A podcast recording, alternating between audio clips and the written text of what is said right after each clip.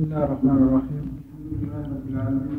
والسلام على نبينا محمد قال الامام مسلم رحمه الله تعالى كتاب الذكر والدعاء والتوبة والاستغفار. حدثنا قتيبة بن سعيد وزهير بن حرب واللفظ لقتيبة. قال حدثنا جرير عن الأعمش عن أبي صالح عن أبي هريرة رضي الله عنه قال قال رسول الله صلى الله عليه وسلم يقول الله عز وجل أنا عند ظن عبدي بي وأنا معه حين يذكرني. إن ذكرني في نفسه ذكرته في نفسي وإن ذكرني في ملأ ذكرته في ملأ خير منهم.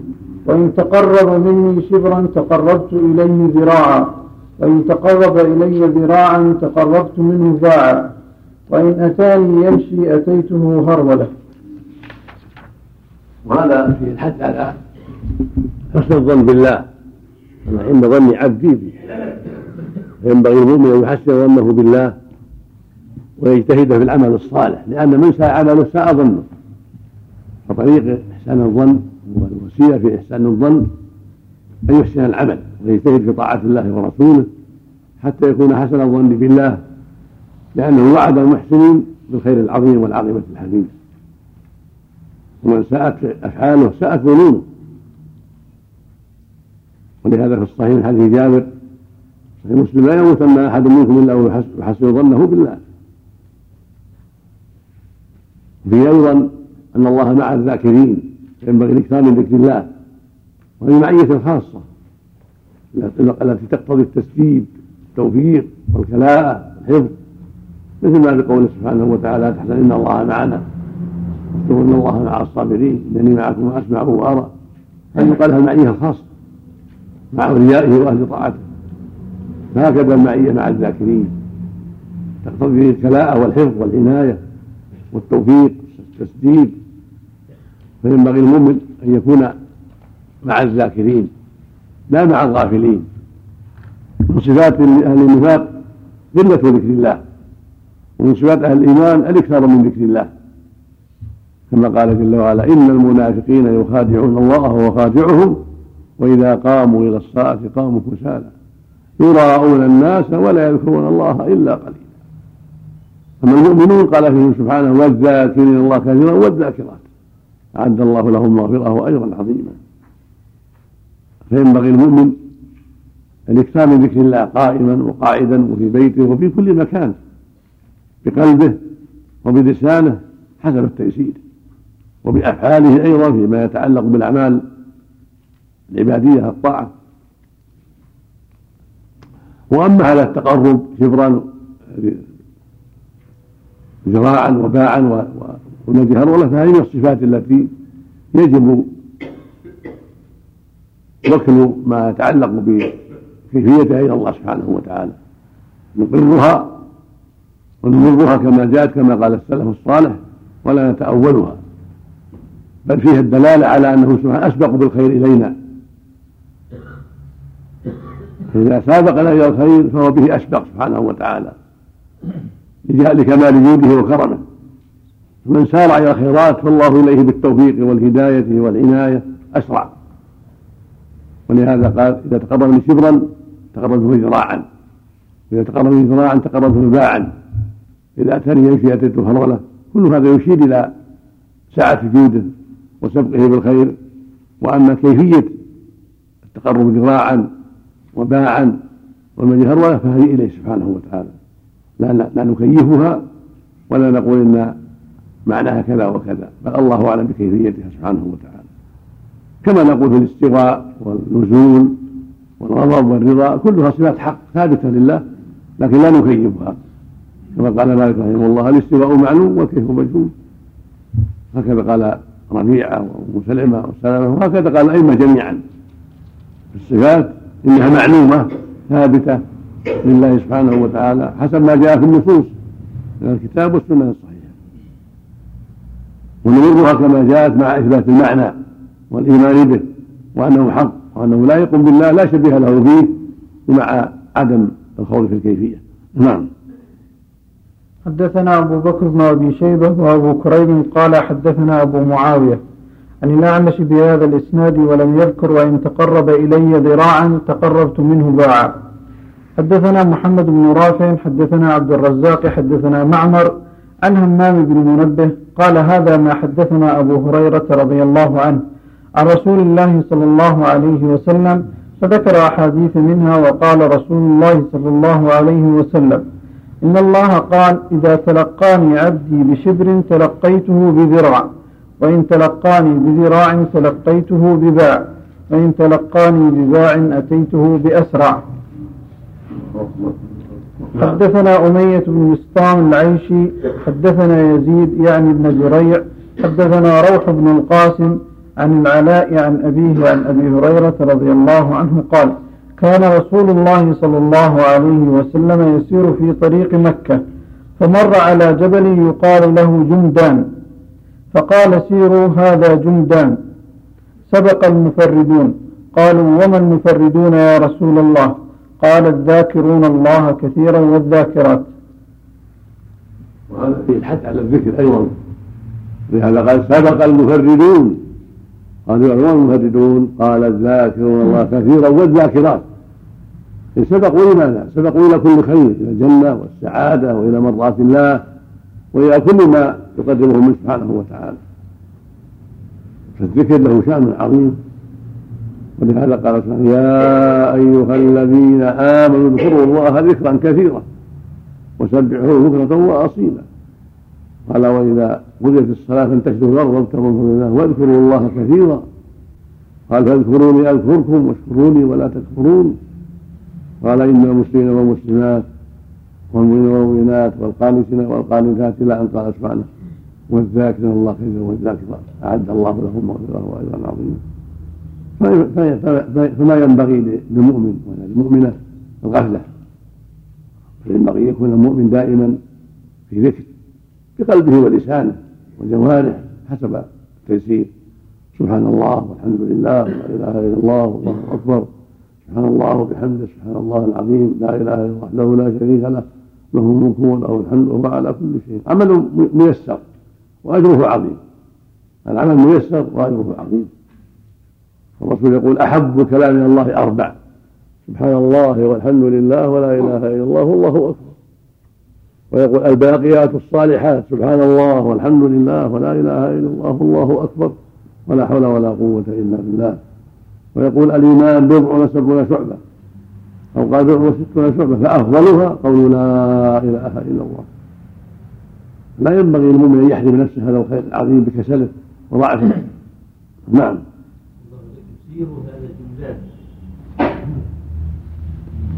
جبل يقال جمدان يعني يستمر في السير. نعم. نعم. اللهم حدثنا عمرو الناقد وزهير بن حرب وابن أبي عمر. جميعا عن سفيان واللفظ لعمر. حدثنا سفيان بن عيينة عن أبي الزناد عن الأعرج عن أبي هريرة رضي الله عنه عن النبي صلى الله عليه وسلم قال. قال نتكلم شيء. لا نتكلم عنه يعني مناسبة ذكره في الحديث ما ذكر. ما الأب بمعنى موجودة. كان شيء؟ تعرض شيء. نعم. نعم.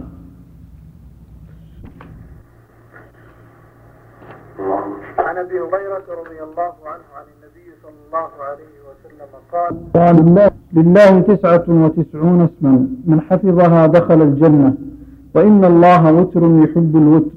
وفي رواية ابن أبي عمر من أحصاها. حدثني محمد بن رافع حدثنا عبد الرزاق حدثنا معمر. عن أيوب عن ابن سيرين عن أبي هريرة وعن همام بن منبه عن أبي هريرة رضي الله عنه. عن النبي صلى الله عليه وسلم قال إن لله تسعة وتسعين اسما مئة إلا واحدا. من أحصاها دخل الجنة. وزاد همام عن أبي هريرة رضي الله عنه عن النبي صلى الله عليه وسلم إنه وتر يحب الوتر.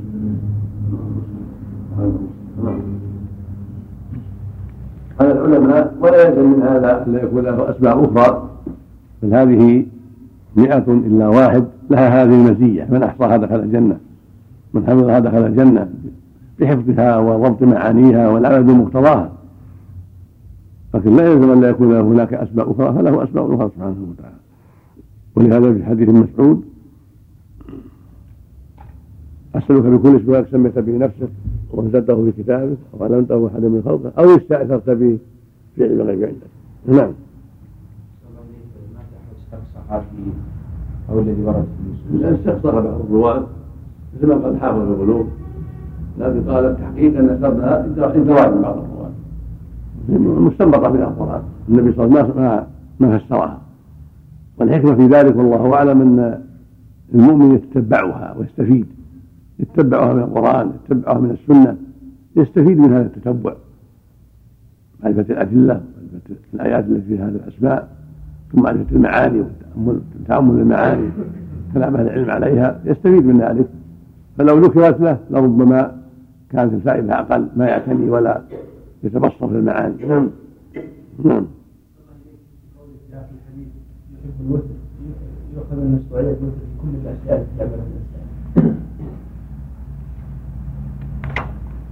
هذا هو الأقرب إلا بما نص الشارع على أنه شرع. نعم. ولهذا استعملها النبي صلى الله عليه وسلم في أكل التمرات. في عيد الفطر كان يأكل تمرات وترا قبل أن يصلي يوم العيد. شرع الله الطواف سبع والسعي سبع. رمي الجمرات سبع. في أشياء. فالأصل أنه الوتر مطلوب إلا فيما نص الشارع على أنه شرع كالأربعة صلاة الظهر والعصر والعشاء والسنن ركعتين ركعتين نعم. نعم. حدثنا أبو بكر بن أبي شيبة وزهير بن حرب جميعا عن ابن علية. قال أبو بكر حدثنا إسماعيل بن علية أن عبد العزيز بن صهيب عن أنس رضي الله عنه قال قال رسول الله صلى الله عليه وسلم إذا دعا أحدكم فليعزم في الدعاء ولا يقل اللهم إن شئت فأعطني فإن الله لا مستكره له. حدثنا يحيى بن أيوب وقتيبة بن حجر المؤمن يلاحظ كثير من الناس يدعو يقول إن شاء الله إذا دعا يتبعها بإن شاء الله الله يغفر لك إن شاء الله الله يهدينا إن شاء الله لا يجزم المسألة لا لا يستثني وش السبب؟ لأن في ضرورة إلى هذا هذا المطلوب وفي حاجة إليه المستثني كان معناه يعني إن جاء ولا بلزوم لا يعظم الرغبة ونرجو في الدعاء اللهم اغفر لي اللهم ارحمني برحمتك يا أرحم الراحمين اللهم انجي من النار اللهم اغفر لي أخي اللهم اغفر لوالدي اللهم انصر دينك ما يقول إن شاء الله في الدعاء. يعظم الرغبه ولا يستثني. إنما الاستثناء فيه وعد إن يفعل كذا في المستقبل. سوف أزور فلان إن شاء الله. سوف أسافر لك إن شاء الله. سوف احج هذا العام إن شاء الله.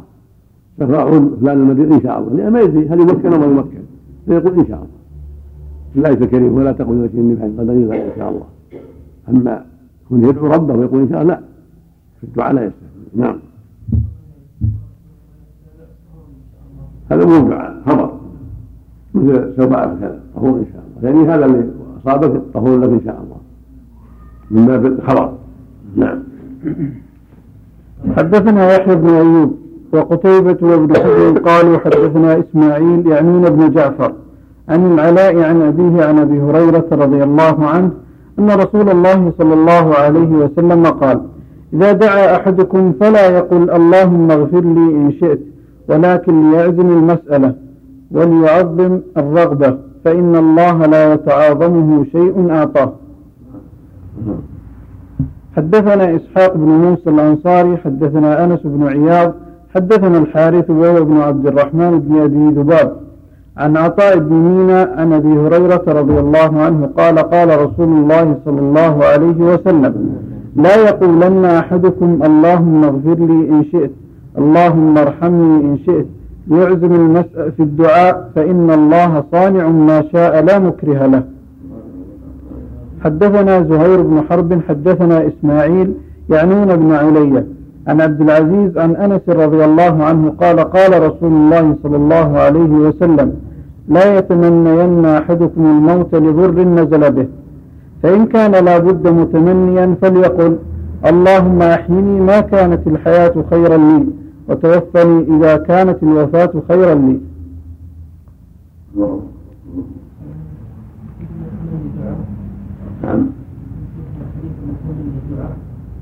بمعنى الدعاء نعم. الدعاء لا حدثنا لا يتمنى ولا يدعو به. وياتي في الحديث. لا يتمنى احد موته ولا يدعو به. كما بينهما في حديث ابي الآتي. نعم.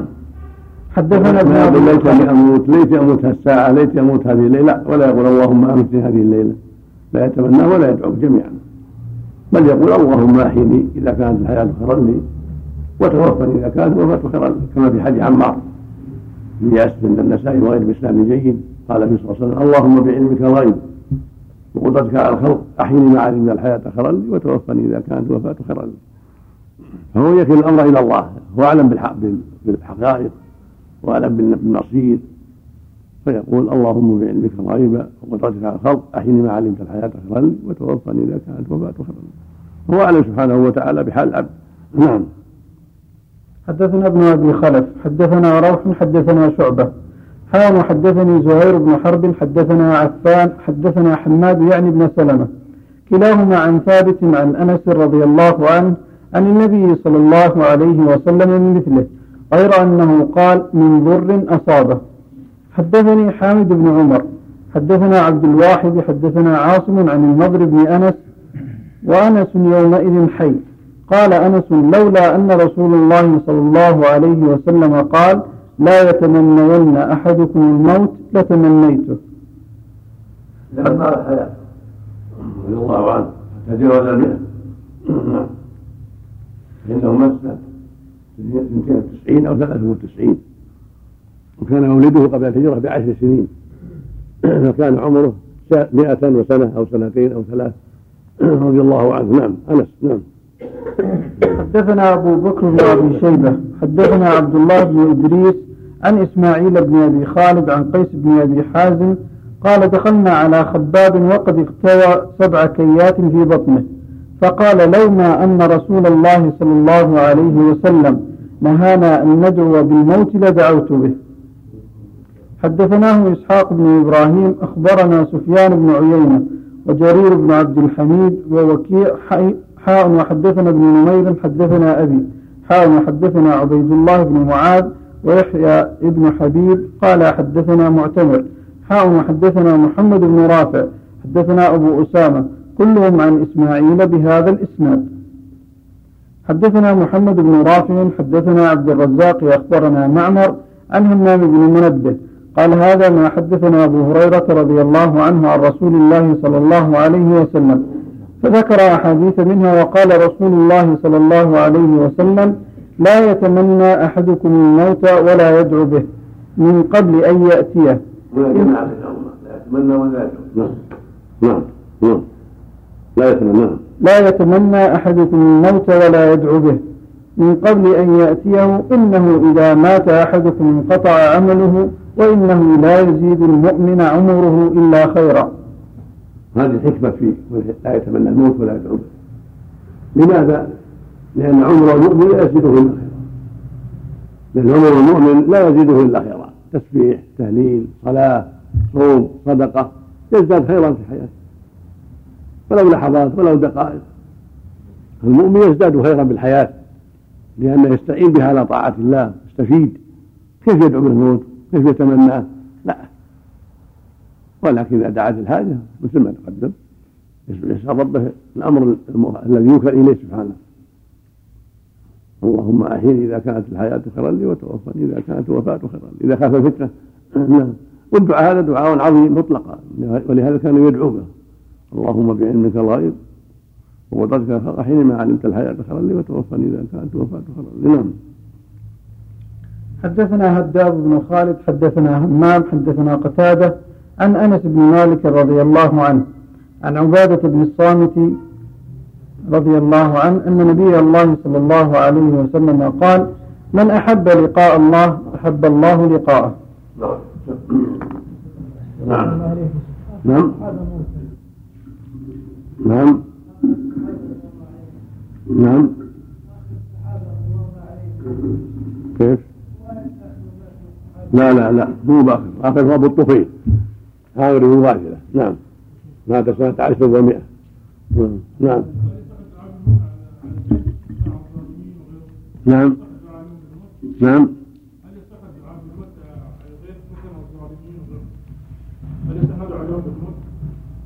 يعني أهلك الله الظالمين ولعن الله الظالمين لا بأس. العموم أما واحد معين لا. العموم لعن الله الظالمين أهلك الله الظالمين أهلك الله أهل الفساد قطع الله دابرهم وما أشبه ذلك. نعم. نعم.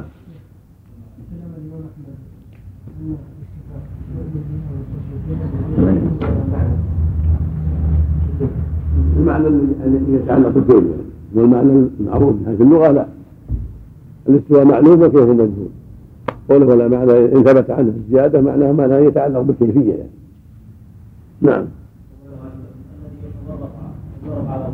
نعم الحديث الذي يتورع عن القبر يتمنى ان يكون مكانه خشيه الافتتاح في الدين جاء في الحديث مراد به الدين وما به الا فتنه نعم هذا يخبر عن ان يكون في آخر الزمن كذا. قد يقع الإنسان في هذا. من شده ما وقع فيه من الفتن. نسأل الله السلامة. نعم. والسلام على نبينا محمد قال الإمام مسلم رحمه الله تعالى حدثنا هداب بن خالد حدثنا همام حدثنا قتادة. عن أنس بن مالك رضي الله عنه عن عبادة بن الصامت رضي الله عنه أن نبي الله صلى الله عليه وسلم قال من أحب لقاء الله أحب الله لقاءه ومن كره لقاء الله كره الله لقاءه. عن أنس وعبادة. نعم. وحدثنا محمد بن مثنى وابن بشار قال حدثنا محمد بن جعفر حدثنا شعبة عن قتادة قال سمعت أنس بن مالك رضي الله عنه يحدث عن عبادة بن الصامت. عن النبي صلى الله عليه وسلم مثله. حدثنا محمد بن عبد الله الرزي حدثنا خالد بن الحارث الهجيمي حدثنا سعيد عن قتادة عن زرارة عن سعد بن هشام عن عائشة رضي الله عنها قالت قال رسول الله صلى الله عليه وسلم من أحب لقاء الله أحب الله لقاءه ومن كره لقاء الله كره الله لقاءه. فقلت يا نبي الله أكراهية الموت؟ فكل ما نكره الموت. فقال ليس كذلك. ولكن المؤمن إذا بشر برحمة الله ورضوانه وجنته أحب لقاء الله فأحب الله لقاءه. وإن الكافر إذا بشر بعذاب الله وسخطه كره لقاء الله وكره الله لقاءه. من أحب لقاء الله أحب الله لقاءه. قد جاء هذا عن النبي صلى الله عليه وسلم من عدة وجوه وطرق. من أحب لقاء الله أحب الله لقاءه. ومن كره لقاء الله كره الله لقاءه. قالت عائشة رضي الله عنها يا رسول الله أكراهية الموت؟ يعني أتريد كراهة الموت? فكلنا لا يكره الموت يعني من طبيعة ابن آدم كراهة الموت ومحبة العيش والبقاء. فقال لا ليس المراد كراهة الموت ولكن المؤمن عند يعني عند احتضاره عند رجوعه إذا بشر برحمة الله ورضوانه وجنته أحب لقاء الله فأحب الله لقاءه. والكافر إذا بشر عند رجوعه بعذاب الله وغضبه كره الله لقاءه كره لقاء الله فكره الله لقاءه. فعند الموت فالمؤمن يبشر بالجنة والرضا والكرامة من الله. عند خروج روحه فيفرح بذلك ويحب لقاء ربه ويحب الله لقاءه. والكافر بعكس ذلك نعوذ بالله. يبشر بغضب الله وعقابه وعذابه فعند هذا يكره لقاء الله ويكره الله لقاءه. لعلمه بما وراء ذلك من الشر العظيم نسأل الله العافية. نعم. صاحب المعاصي ما ذكر حاله هذا صاحب الشائبتين وهو على خطر. يقول العلماء في غالب النصوص يذكر المؤمن والكافر ويسكت عن العاصي لأنه يكون بين الرجاء والخوف. العاصي بين الرجاء والخوف فقد يغلب عليه الخير فيلحق بأهل الإيمان ويبشر بالجنة وقد يغلب عليه الشر فيبشر بالنار ويلحق بالقسم الآخر. فليأخذ حذره نعم. حدثنا محمد بن بشار حدثنا محمد بن بكر حدثنا سعيد عن قتادة بهذا الإسناد. حدثنا أبو بكر بن أبي شيبة حدثنا علي بن مسهر عن زكريا عن الشعبي. علي بن عن علي بن مسهر عن زكريا عن الشعبي عن شريح بن هانئ عن عائشة رضي الله عنها قالت قال رسول الله صلى الله عليه وسلم من أحب لقاء الله أحب الله لقاءه ومن كره لقاء الله كره الله لقاءه والموت قبل لقاء الله. حدثناه إسحاق بن إبراهيم أخبرنا عيسى بن يونس. حدثنا زكريا عن عامر. حدثني شريح بن هانئ أن عائشة أخبرت وأن رسول الله صلى الله عليه وسلم قال بمثله. حدثنا سعيد بن عمرو الأشعثي أخبرنا عبثر عن مطرف عن عامر عن شريح بن هانئ عن أبي هريرة رضي الله عنه قال قال رسول الله صلى الله عليه وسلم من أحب لقاء الله أحب الله لقاءه ومن كره لقاء الله كره الله لقاءه. قال فأتيت عائشة فقلت يا أم المؤمنين سمعت أبا هريرة يذكر عن رسول الله صلى الله عليه وسلم حديثا إن كان كذلك فقد هلكنا. فقالت إن الهالك من هلك بقول رسول الله صلى الله عليه وسلم وما ذاك. قال قال رسول الله صلى الله عليه وسلم من أحب لقاء الله أحب الله لقاءه ومن كره لقاء الله كره الله لقاءه وليس منا أحد إلا وهو يكره الموت. فقالت قد قاله رسول الله صلى الله عليه وسلم وليس بالذي تذهب إليه ولكن إذا شخص البصر وحشرج الصدر واقشعر الجلد وتشنجت الأصابع فعند ذلك من أحب لقاء الله أحب الله لقاءه ومن كره لقاء الله كره الله لقاءه. وحدثنا إسحاق بن إبراهيم الحنظلي أخبرنا جرير عن مطرف. بما أفتاها به النبي صلى الله عليه وسلم. أفتته بما أفتاها به النبي صلى الله عليه وسلم. وكانت من أعلم الناس بسنة الرسول صلى الله عليه وسلم ومن أفقه الناس. لا نعلم في الدنيا امرأة أفقه منها. من عهد الصحابة إلى يومنا هذا رضي الله عنها وأرضاها. كانت فقيهة عالمة حافظة زكية الأخلاق. قال فيها النبي صلى الله عليه وسلم فضل عائشة على النساء كفضل الثريد على سائر الطعام. وكانت سؤولة تسأل وتحفظ. رضي الله عنها نعم. وكذلك حفظت عن الصحابة. عن النبي صلى الله عليه وسلم حفظت وحفظت عن الصحابة سألت. حفظت عن أبيها وعن عمر وعن غيرهم من الصحابة. وصارت عند صار عندها علم عظيم خير كثير. نعم. وحدثنا إسحاق بن إبراهيم الحنظلي أخبرني جرير عن مطرف بهذا الإسناد نحو حديث عبثر.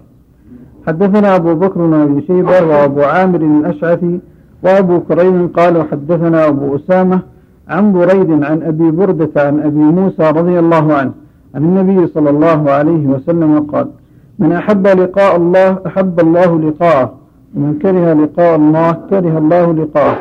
عن أبي موسى. عن عائشة نعم. نعم. وأبي هريرة. نعم. نعم. حدثنا محمد الله أنس وعبادة وعائشة وأبو هريرة وهذا الخامس أبو موسى.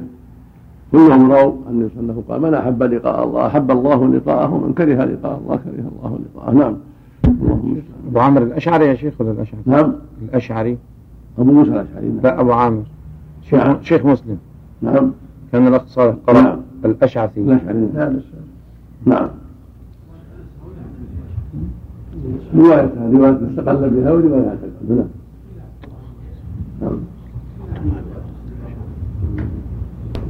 شبه أول سند أول أول ما بدأ. هذا نفسه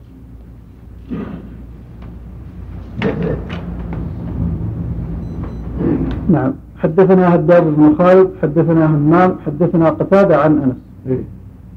عن أنس بن مالك عن عبادة بن الصامت. إيه، طيب نعم. نعم. الله نعم.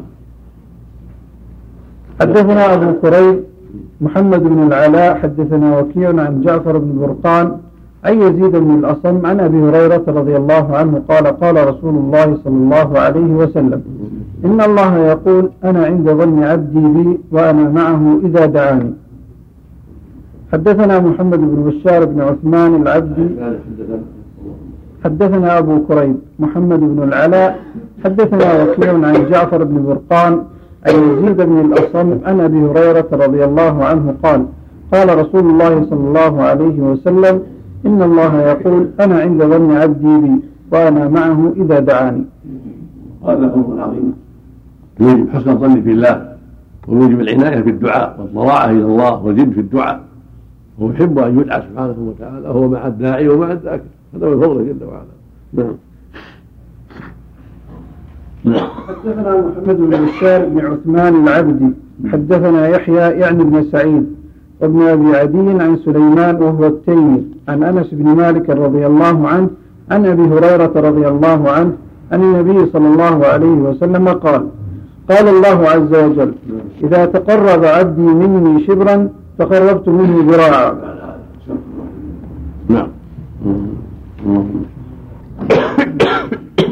الله الرحمن الرحيم الحمد لله رب العالمين والصلاة والسلام على نبينا محمد قال الإمام مسلم رحمه الله تعالى حدثنا محمد بن بشار بن عثمان العبدي حدثنا يحيى يعني بن سعيد بن أبي عدي عن سليمان وهو التيمي عن أنس بن مالك رضي الله عنه عن أبي هريرة رضي الله عنه حدثنا محمد بن بشار بن عثمان العبدي نعم حدثنا يحيى يعني بن سعيد نعم. وابن أبي عدي عن سليمان وهو التيمي عن أنس بن مالك. سليمان. عن سليمان وهو التيمي. نعم. عن أنس بن مالك رضي الله عنه عن أبي هريرة رضي الله عنه. عن النبي صلى الله عليه وسلم قال قال الله عز وجل إذا تقرب عبدي مني شبرا تقربت منه ذراعا وإذا تقرب مني ذراعا تقربت منه باعا. أو بوعا واذا اتاني يمشي أتيته هرولة. حدثنا محمد بن عبد الأعلى. قدم لك الحديث في روايه البخاري رحمه الله. قدم الكلام عليه وأن أهل السنة والجماعة طريقهم واحد في هذا الباب. هو إثبات الصفات. وإظهارها كما جاءت. من غير تحريف ولا تعطيل ولا تكييف ولا تمثيل هذا وغيره ما جاء في الكتاب العزيز وهكذا ما جاءت جاءت به السنة الصحيحة. أهل السنة يمرونها ويثبتونها ولا يكيفون. فيقولون إنها حق على الوجه اللائق بالله من غير مشابهة لخلقه سبحانه وتعالى. ولكن هذا الحديث مع هذا المعنى يفيد أنه جل وعلا أسرع بالخير لأوليائه واهل طاعته منهم وأنهم متى جدوا في الخير واجتهدوا في الخير وسابقوا إليه فالله به اليهم أسرع وأكثر سبحانه وتعالى لمحبته للاجتهاد في الخير ولرحمته العظيمة وإحسانه الكبير لمن سابق إلى طاعته. نعم. حدثنا محمد بن عبد الأعلى القيسي حدثنا معتمر عن أبيه بهذا الإسناد. ولم يذكر إذا أتاني يمشي أتيته هروله حدثنا أبو بكر بن أبي شيبة وأبو كريب واللفظ لأبي كريب. قال حدثنا أبو معاوية عن الأعمش عن أبي صالح عن أبي هريرة رضي الله عنه قال قال رسول الله صلى الله عليه وسلم. يقول الله عز وجل أنا عند ظن عبدي بي وأنا معه حين يذكرني فإن ذكرني في نفسه ذكرته في نفسي. وإن ذكرني في ملأ ذكرته في ملأ خير منه. وإن اقترب إلي شبرا تقربت إليه ذراعا. وإن اقترب إلي ذراعا اقتربت إليه باعا. وإن أتاني يمشي أتيته هرولة. في هذا كله حتى ذكر سبحانه وتعالى. والاكثار من ذلك. في نفسه. وبين الناس. في نفسه. لما في ذلك من الخير العظيم. وبين الناس لما فيه من تذكير الناس. فإن من ذكر الله عند الناس ذكرهم بهذا الأمر ذكرهم بهذا الخير. فينبغي المؤمن الاكثار من ذلك. تقول عائشة رضي الله عنها كان النبي يذكر الله في كل أحيان. فينبغي المؤمن أن يكون هكذا. ولهذا قال عز وجل يا أيها الذين آمنوا اذكروا الله ذكرا كثيرا وسبحوه بكرة وأصيلا. قال عز وجل فإذا قضيت الصلاة فانتشروا في الأرض وابتغوا من فضل الله واذكروا الله كثيرا لعلكم تفلحون. قال سبحانه أن يذكرون الله قياما وقعودا وعلى جنوبهم الآية؟ ويقول صلى الله عليه وسلم سبق المفردون كما تقدم إذا ما المفردون. قال الذاكرون الله كثيرا والذاكرات. الذكر يكون بالقلب في نفس الإنسان. يكون يذكر الله في قلبه ويفكر في عظمته وكبريائه وشدة حاجته إليه سبحانه وأن العبد فقير بالذات إلى ربه عز وجل ويحبه المحبة العظيمة التي تقتضي البدار بطاعته والحذر من معصيته وتقتضي رحمة عباده والإحسان إليهم وتعليم جاهلهم وإرشاد ضالهم وأمرهم بالمعروف والنهي عن المنكر إلى غير ذلك. ويكون باللسان كما هو معروف ويكون بالعمل من الصلوات والحج والجهاد وغير هذا من أعمال الخير. نعم. حدثنا أبو حدثنا أبو بكر بن أبي شيبة حدثنا وكيع حدثنا الأعمش عن المعرور بن سويد عن أبي ذر رضي الله عنه قال قال رسول الله صلى الله عليه وسلم يقول الله عز وجل من جاء بالحسنة فله عشر أمثالها وأزيد ومن جاء ضبطها أزيد ولا وأزيد في بعض النسخ وأزيده شارع.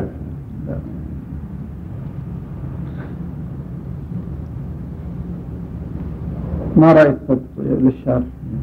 ضبط عندكم؟ بس يقول في بعض النسخ وأزيده الأب عندك نعم. ضبط ولا ما ضبط؟ ما ضبط يحتمل هذا وهذا. في بعض الروايات الصريح وأزيد. يعني أزيدكم خيرا. الشكل وأزيد. و... نعم.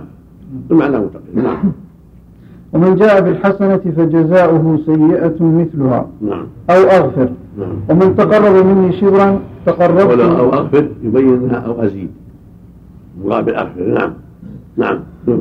ومن تقرب مني شبرا تقربت منه ذراعا ومن تقرب مني ذراعا تقربت منه باعا. ومن أتاني يمشي أتيته هرولة ومن لقيني بقراب الأرض خطيئة لا يشرك بي شيئا لقيته بمثلها مغفرة. قال إبراهيم حدثنا الحسن بن بشر حدثنا وكيع بهذا الحديث. نعم. حدثنا أبو كريم حدثنا أبو معاوية عن الأعمش بهذا الإسناد نحوه غير أنه قال فله عشر أمثالها أو أزيد. حدثنا أبو الخطاب زياد بن يحيى الحساني حدثنا محمد بن أبي عدي عن حميد عن ثابت عن أنس رضي الله عنه أن رسول الله صلى الله عليه وسلم عاد رجلا من المسلمين قد خفت فصار مثل الفرخ فقال له رسول الله صلى الله عليه وسلم هل كنت تدعو بشيء أو تسأله إياه قال نعم. كنت أقول اللهم ما كنت معاقبي به في الآخرة فعجله لي في الدنيا. فقال رسول الله صلى الله عليه وسلم سبحان الله لا تطيقه أو لا تستطيعه. أفلا قلت اللهم آتنا في الدنيا حسنة وفي الآخرة حسنة وقنا عذاب النار. قال فدعا قال فدعا الله له فشفاه الحمد لله. وهذا لا شك إنه غلط. لأن العبد لا يستطيع العقوبات التي تدخل له في الآخرة إذا أساء. ولكن الواجب والأدب ومقتضى ما يحبه الله من عبده أن يلجأ إليه في طلب العفو والإحسان والمغفرة والتوفيق للهدايه أما ان يطلب أن يعجل له عذاب الآخرة هذا لا شك إنه غلط منه ولهذا أنكر عليه عليه الصلاة والسلام. نعم. حدثنا حدثناه عاصم بن النضر التيمي يحيى أبو الخطاب الحساني. نعم. نعم حدثناه عاصم بن النضر التيمي حدثنا خالد بن الحارث.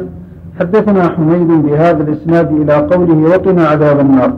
ولم يذكر الزيادة.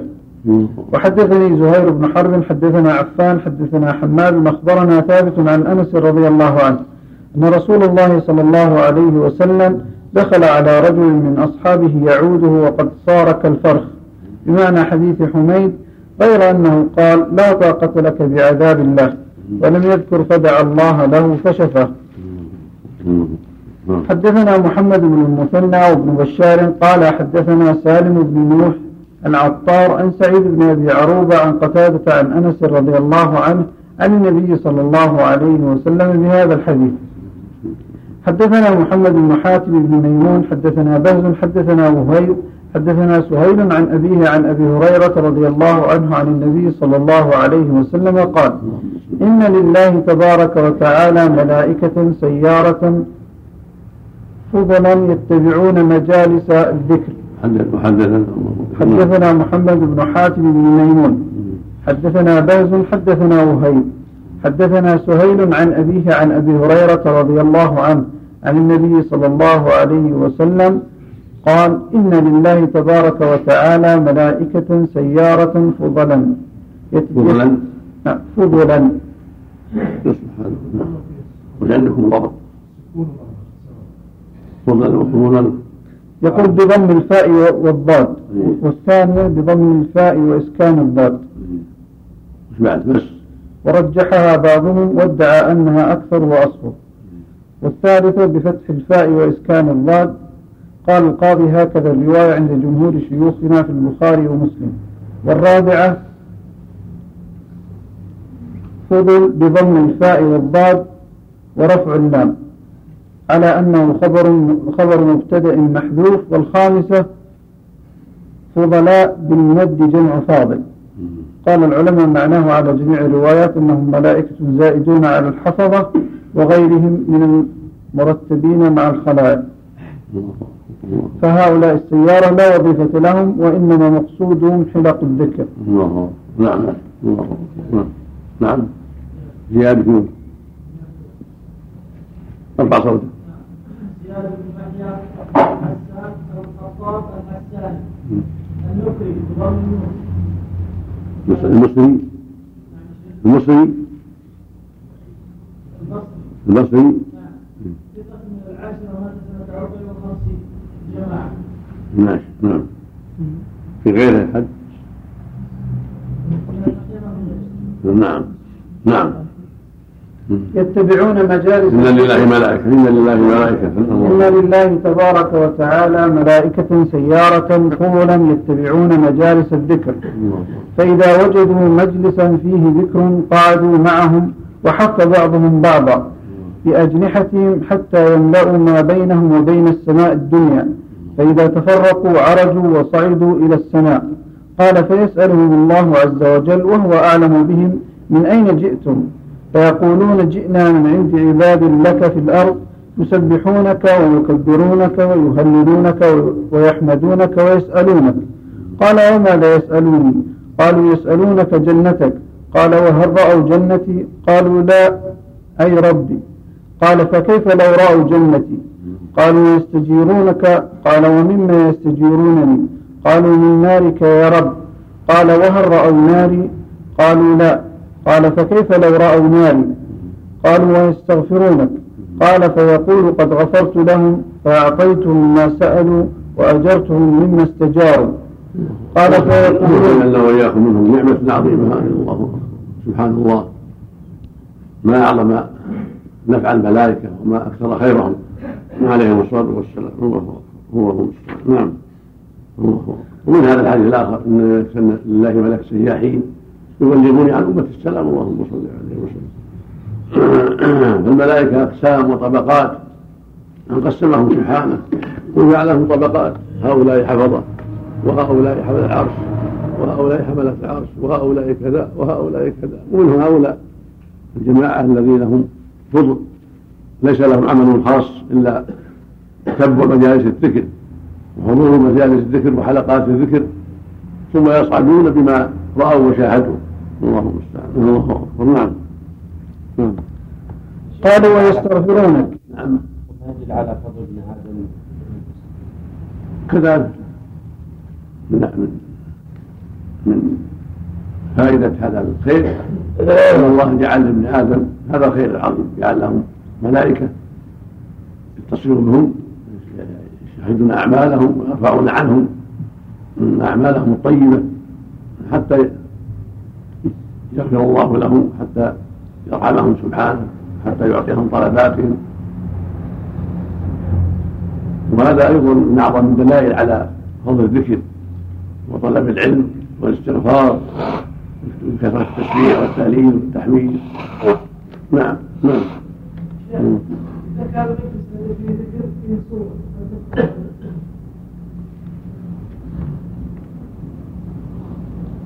ظاهر النص؟ انها لا تكون ملائكه في صورة مثل ما جاء الحديث الصحيح. اذا كانت صورة معلقة معظمة.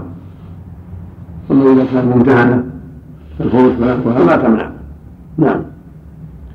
قال ويستغفرونك. قال فيقول قد غفرت لهم فأعطيتهم ما سألوا وأجرتهم مما استجاروا.